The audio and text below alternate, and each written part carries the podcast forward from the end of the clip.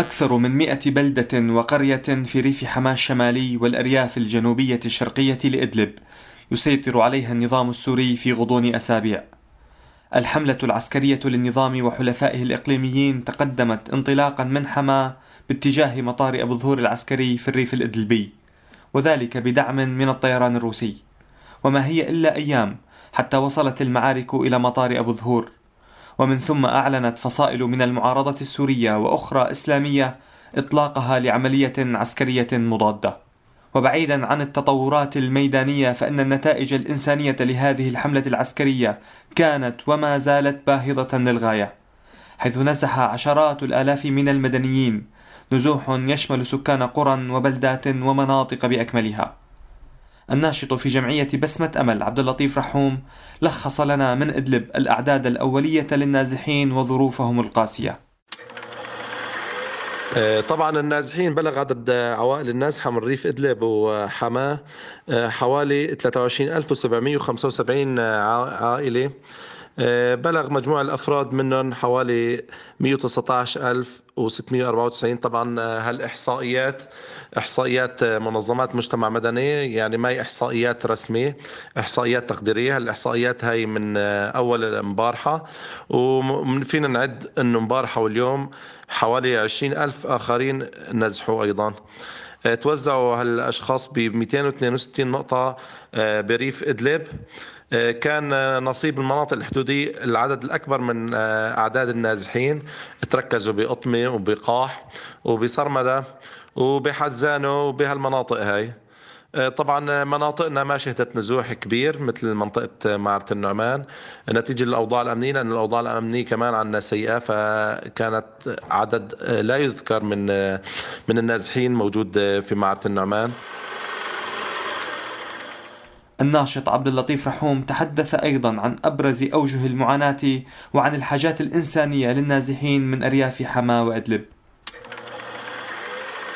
طبعا المعاناة كبيرة بالنسبة للنازحين خصوصا إجت النزوح في فترة الشتاء في فترة البرد. فالنازحين بحاجة أكثر شيء للسلة الغير غذائية للسلة الان اف اي يعني حرامات الخيام بالنسبة للنازحين اللي ما قدروا يحصلوا على بيوت لأنه باعتبار أنه كمان الأجارات كانت عالية كتير وما ساعدت النازحين ليستأجروا إضافة للاحتياجات الثانية مثل حليب الأطفال مثل الأدوية مثل المراكز الصحية. فحاجة كبيرة يعني العدد يمكن اليوم يوصل ل 250 ألف نازح.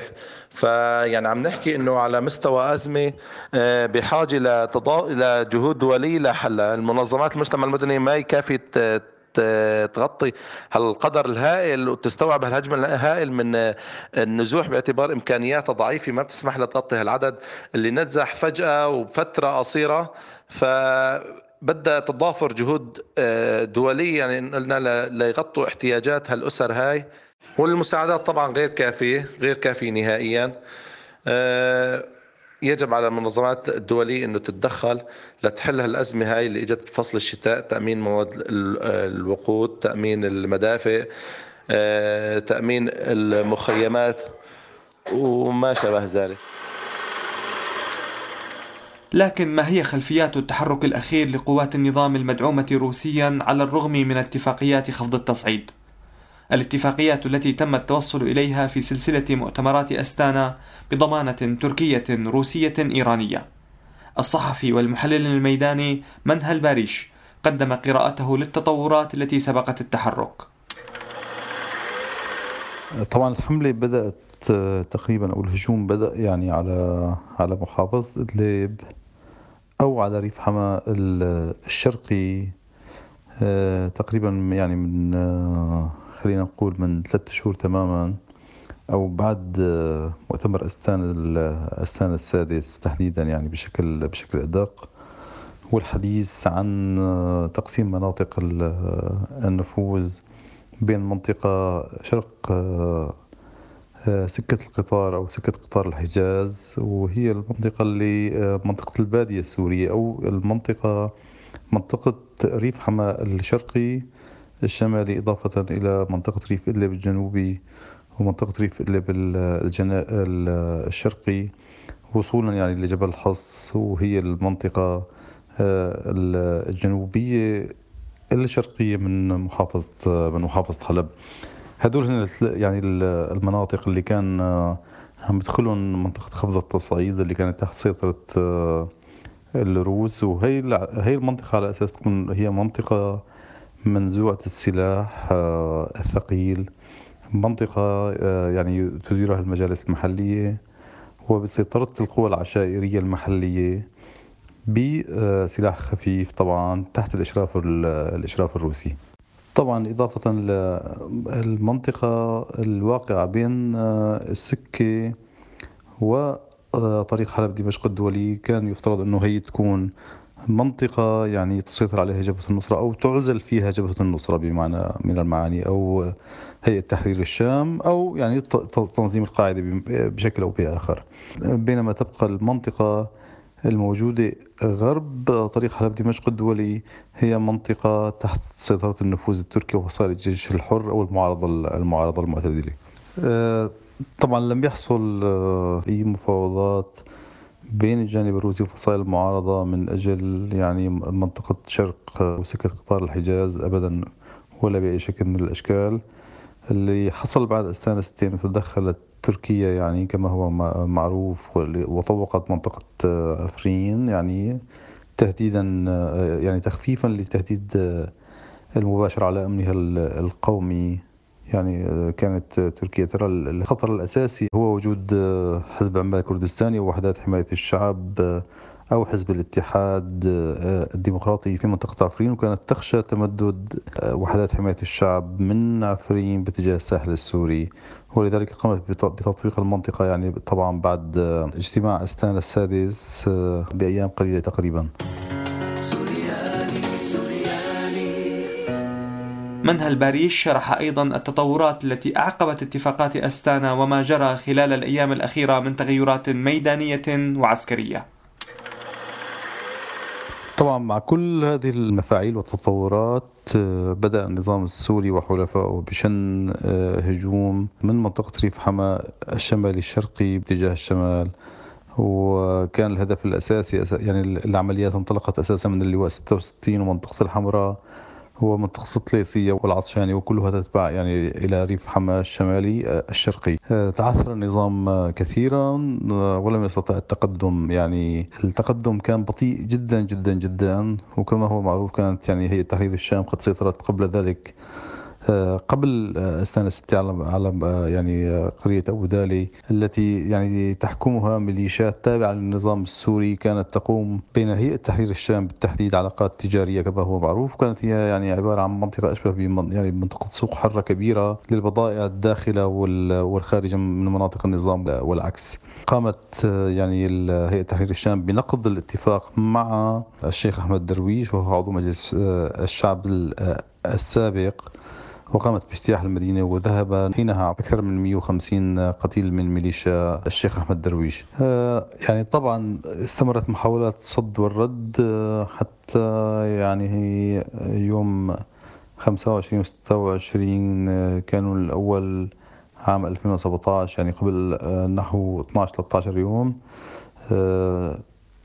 تغيرت يعني معطيات المعارك على الأرض وكأنه هناك اتفاقا سياسيا حصل في المنطقة آه، قامت على أثره هيئة تحرير الشام بإخلاء المنطقة. ويعني دعني أشير أن المناطق التي تقدم عليها النظام يعني وحلفاء والميليشيات التابعة له الدفاع الوطني وباقي الميليشيات الشيعية الإيرانية آه، كانت على محور آه، تحديدا آه، أبو آه، أبو دالي الخوين آه، اتجاه جرجناز إضافة إلى العمق الشرقي يعني وصولا إلى منطقة حوايس أبو هديب يعني التي تتبع لمحافظة حما يعني هذا القطاع وهذه الجبهة كانت أساسا هي يعني حسب توزيع الاختصاصات والمناطق والقطاعات كانت تتبع لهيئة تحرير الشام.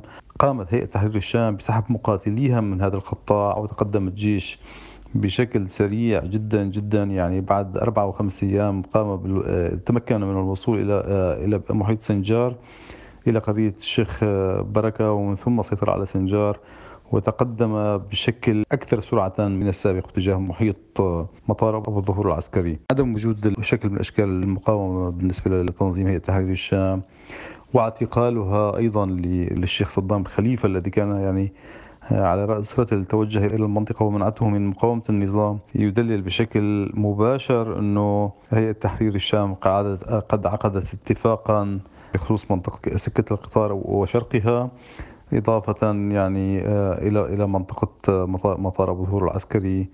وربما أيضا يعني أتوقع أن العمليات ستستمر آه، لأنه إن تقدم النظام باتجاه الشمال من من أبو ظهور فهذا يعني أنه كامل المنطقة ستغلق يعني على على بعض المقاتلين آه، التابعين لفصائل أخرى موجودين أساسا شرق منطقة أبو ظهور وجبل الحص وهذا يعني أنه النظام اليوم استطاع السيطرة على مربع يعني طوله بين 60 كيلومتر وعرض نحو 35 كيلومتر يمتد من خناصر إلى منطقة منطقة أبو ظهور.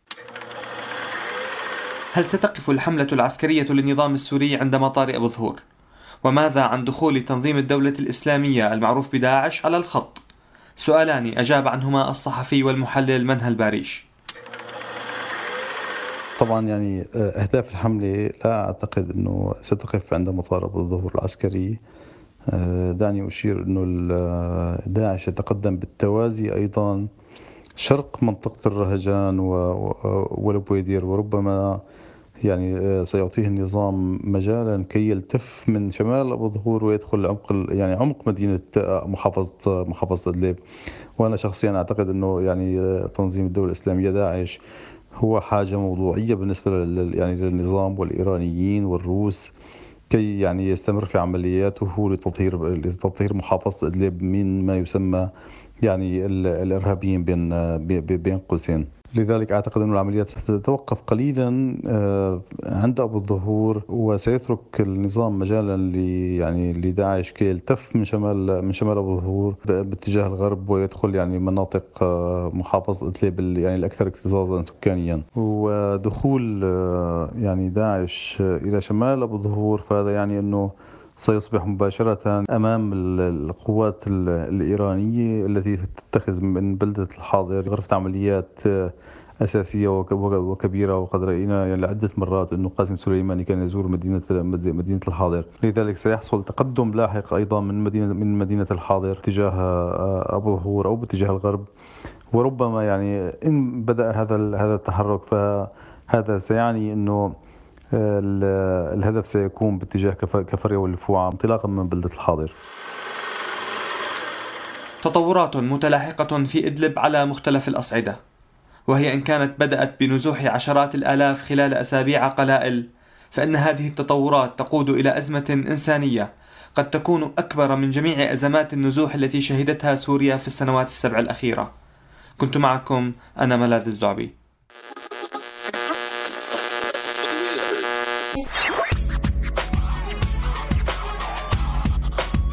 عم تسمعوا راديو سوريالي.